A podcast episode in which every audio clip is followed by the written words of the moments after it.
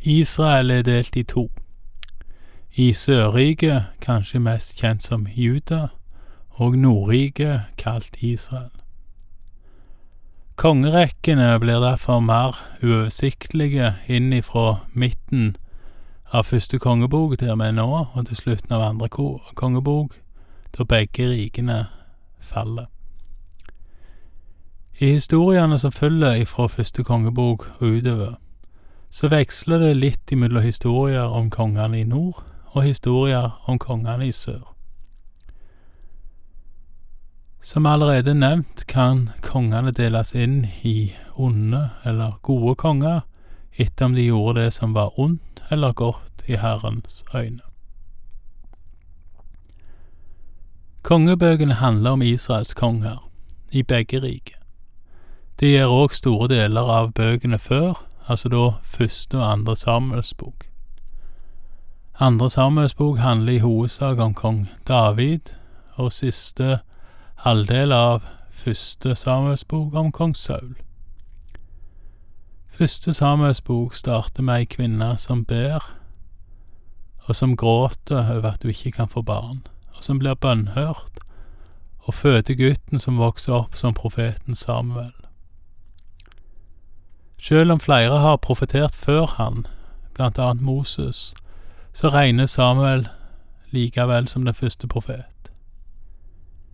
I tillegg til kongerekkene som begynner i første Samuels bok og går ut over Samuelsbøkene og kongebøkene, kan en òg sette opp profetrekker.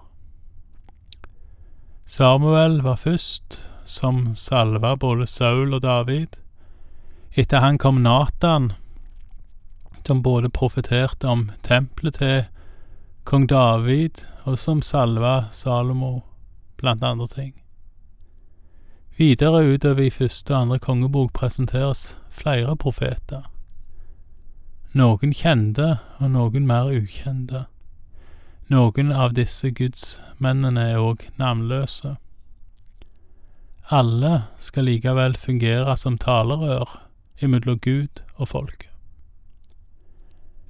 Kapittel tolv slutter med at det er Jeroboam som sjøl ble utvalgt av Gud, og som har lova hjelp av Gud. Sjøl han bygger to nye alter for avguder, to gullkalver. Kapittel tolv slutter med at han står foran et av disse alterne, alteret i Betel. Kapittel 13 starter med at en av disse navnløse gudsmennene profeterer mot alteret en dom over Jeroboam. Vi leser fra første kongebok, kapittel 13, vers 1. Men nettopp som Jeroboam sto foran alteret for å tenne offerilden, kom det etter Herrens vilje en gudsmann fra Juda til Betel. På Herrens ord ropte han mot alteret. Alter, alter, så sier Herren, Se, en sønn skal bli født i Davids hus. Han skal hete Joshia. På deg skal han ofre prestene fra offerhaugene som tenner offerild på deg. På deg skal han brenne menneskeknokler.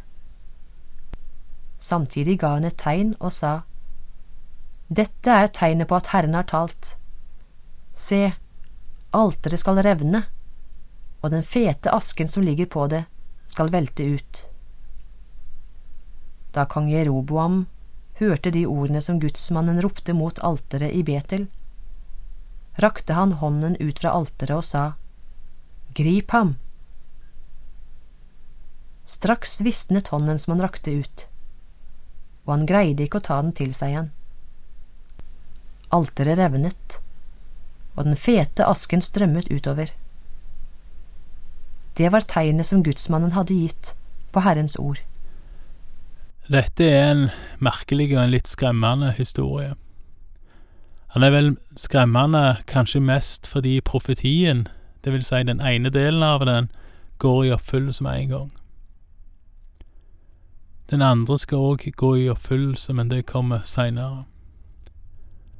Det er vel òg skremmende si hånda visner da med en gang. Det er vel, så langt jeg har forstått, en ren dødsdom når kongen rekker ut hånda si på denne måten. Da er det skremmende å se at kongen mister krafta i hånda med en gang på en sånn måte. Det skremmer kongen òg, skal vi se, og vi leser nå videre fra vers seks. Da tok kongen til orde og sa til gudsmannen. Forsøk å vinne velvilje for Herren i Guds ansikt, og be for meg, så jeg kan trekke hånden til meg igjen. Gudsmannen vant Herrens velvilje, og så kunne kongen ta hånden til seg, og den ble som før. Siden sa kongen til gudsmannen, Bli med meg hjem og få noe å styrke deg på, så vil jeg også gi deg en gave. Men gudsmannen svarte kongen, Om du ga meg halve huset ditt, ville jeg ikke bli med deg. På dette sted vil jeg verken spise brød eller drikke vann. For slik lød Herrens befaling da han talte til meg. Du skal verken spise brød eller drikke vann, og ikke vende tilbake den veien du kom. Så tok han en annen vei, og han dro ikke hjem igjen den veien han var kommet til Betel. Kongen blir redd når han ber om nåde, og han opphever ikke bare ordren om å gripe gudsmannen og sannsynligvis drepe han, men han snur veldig da han ber gudsmannen komme på besøk og spise med han, sånn at kongen kan gi han en gave. Gudsmannen eller profeten svarer veldig tydelig nei til dette. Han ønsker ikke å ha noe av kongen, fordi han har blitt forbudt av Gud. Profeten han klarer seg veldig godt her og han holder seg til det han har fått beskjed om.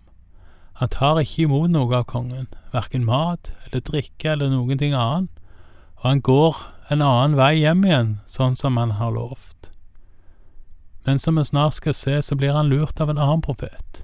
Vi leser videre fra vers 11. I Betel bodde det en gammel profet. Hans sønner kom og fortalte ham om alt det gudsmannen hadde gjort i Betel den dagen og hva han hadde sagt til kongen. Da de hadde fortalt det til faren, spurte han. Hvilken vei tok han? Sønnene viste ham hvilken vei han hadde tatt, den gudsmannen som var kommet fra Juda. Da sa han til sønnene sine, Sal eselet for meg. De salte eselet, og han satte seg oppå det, og red av sted etter gudsmannen. Han fant ham sittende under et eiketre og spurte, Er du den gudsmannen som er kommet fra Juda? Ja, det er jeg, svarte han. Da sa profeten til ham, Bli med meg hjem og få deg litt mat. Men gudsmannen svarte, Jeg kan ikke følge deg tilbake og ta inn hos deg. Jeg vil verken spise brød eller drikke vann sammen med deg på dette stedet for slik lød Herrens befaling til meg. Du skal verken spise brød eller drikke vann der, og ikke dra hjem igjen den veien du kom. Da sa den andre, Jeg er også profet som du. En engel sa til meg på Herrens bud, Ta ham med deg hjem så han kan få spise brød og drikke vann. Da profeten sa dette, løy han for ham. Gudsmannen ble nå med ham hjem og spiste brød og drakk vann i hans hus. Det som skjer her er interessant, men òg skremmende. Profeten holder seg til det Gud har fortalt han i møte med kongen. Kanskje en kan si at han holder seg til det i møte med verden. Men når han treffer en annen profet, en annen som mener har fått beskjed direkte fra Gud eller en engel, en mann som profeterer over profeten sjøl, og som da forsøker å oppheve det påbud som den første profeten fikk ifra Gud, da endrer han. Her er det ei lekse å lære for oss. La oss aldri eh, mislede av noen som mener de har fått direkte beskjed fra Gud, eller en engel, eller noe sånt, men noe som bryter med Guds eget ord, sånn som vi finner det i Bibelen. Paulus omtaler samme problematikken i starten av Galaterbrevet, og sier i vers eh, åtte i det første kapittelet dette. Men om vi selv, ja, om en engel fra himmelen skulle forkynne dere et annet evangelie enn det vi forkynte dere, forbannet være han. Og for gudsmannen som lot seg villede av denne eldre profeten, går det veldig, veldig ille. Vi leser videre fra vers 20. Mens de satt til bords, kom Herrens ord til profeten som hadde fått ham med tilbake, og han ropte til gudsmannen som var kommet fra Juda. Så sier Herren, fordi du har trosset Herrens ord og ikke holdt det budet som Herren din Gud ga deg, men vendte tilbake og spiste brød og drakk vann på det stedet hvor han hadde sagt at du verken skulle spise brød eller drikke vann. Så skal liket av deg ikke komme i dine fedres grav. Da gudsmannen som profeten hadde fått med seg tilbake, hadde spist og drukket, salte profeten eselet for ham. Så dro han av sted igjen men på veien møtte han en løve. Den drepte ham, og liket hans ble liggende hengslengt på veien. Eselet ble stående ved siden av liket, og der sto også løven. Da kom det noen menn forbi. De fikk se liket som lå slengt på veien, og løven som sto ved siden av det. Da de kom til byen hvor den gamle profeten bodde, fortalte de om det de hadde sett. Da profeten som hadde fått mannen med seg hjem fra veien, fikk høre det, sa han. Det er gudsmannen, han som trosset Herrens ord. Derfor lot Herren løven ta ham, og den har revet ham i hjel, etter det ordet Herren hadde talt til ham. Så sa profeten til sønnene sine, Sal eselet for meg. De gjorde det, og så dro han av sted. Han fant liket som lå slengt på veien, og eselet og løven som sto ved siden av det. Løven hadde ikke spist liket, og ikke revet i hjel eselet. Profeten løftet opp liket av gudsmannen, la det på eselet og førte det tilbake. Den gamle profeten gikk til byen for å holde sørgehøytid over gudsmannen og gravlegge ham. Han la liket i sin egen grav, og de holdt sørgehøytid over ham og ropte, Å, ved, min bror! Da han hadde gravlagt gudsmannen, sa han til sønnene sine, Når jeg dør, skal dere legge meg i den graven der gudsmannen er gravlagt. Dere skal legge mine knokler ved siden av hans knokler for det skal oppfylles, det ordet som han etter Herrens bud ropte mot alteret i Betel og mot alle helligdommer på haugene ved byene i Samaria. Heller ikke etter denne hendelsen vendte Jeroboam om fra sin onde vei. Han fortsatte med å gjøre hvem han ville av folket til prester på offerhaugene. Alle som hadde lyst til det, innviet han til prester på haugene. Dette førte synd over Jeroboams hus. Derfor ble det utryddet og utslettet fra jorden. Profeten betaler en høy pris for å ha brutt med Guds ord. Men selv om han profeterte mot alteret, og Jeroboam ble så skremt at han opphevde dommen mot profeten og i tillegg ba han med seg hjem, så vender ikke Jeroboam om. Han fortsetter på sin onde vei og han innvier hvem som helst til prester på offerhaugene.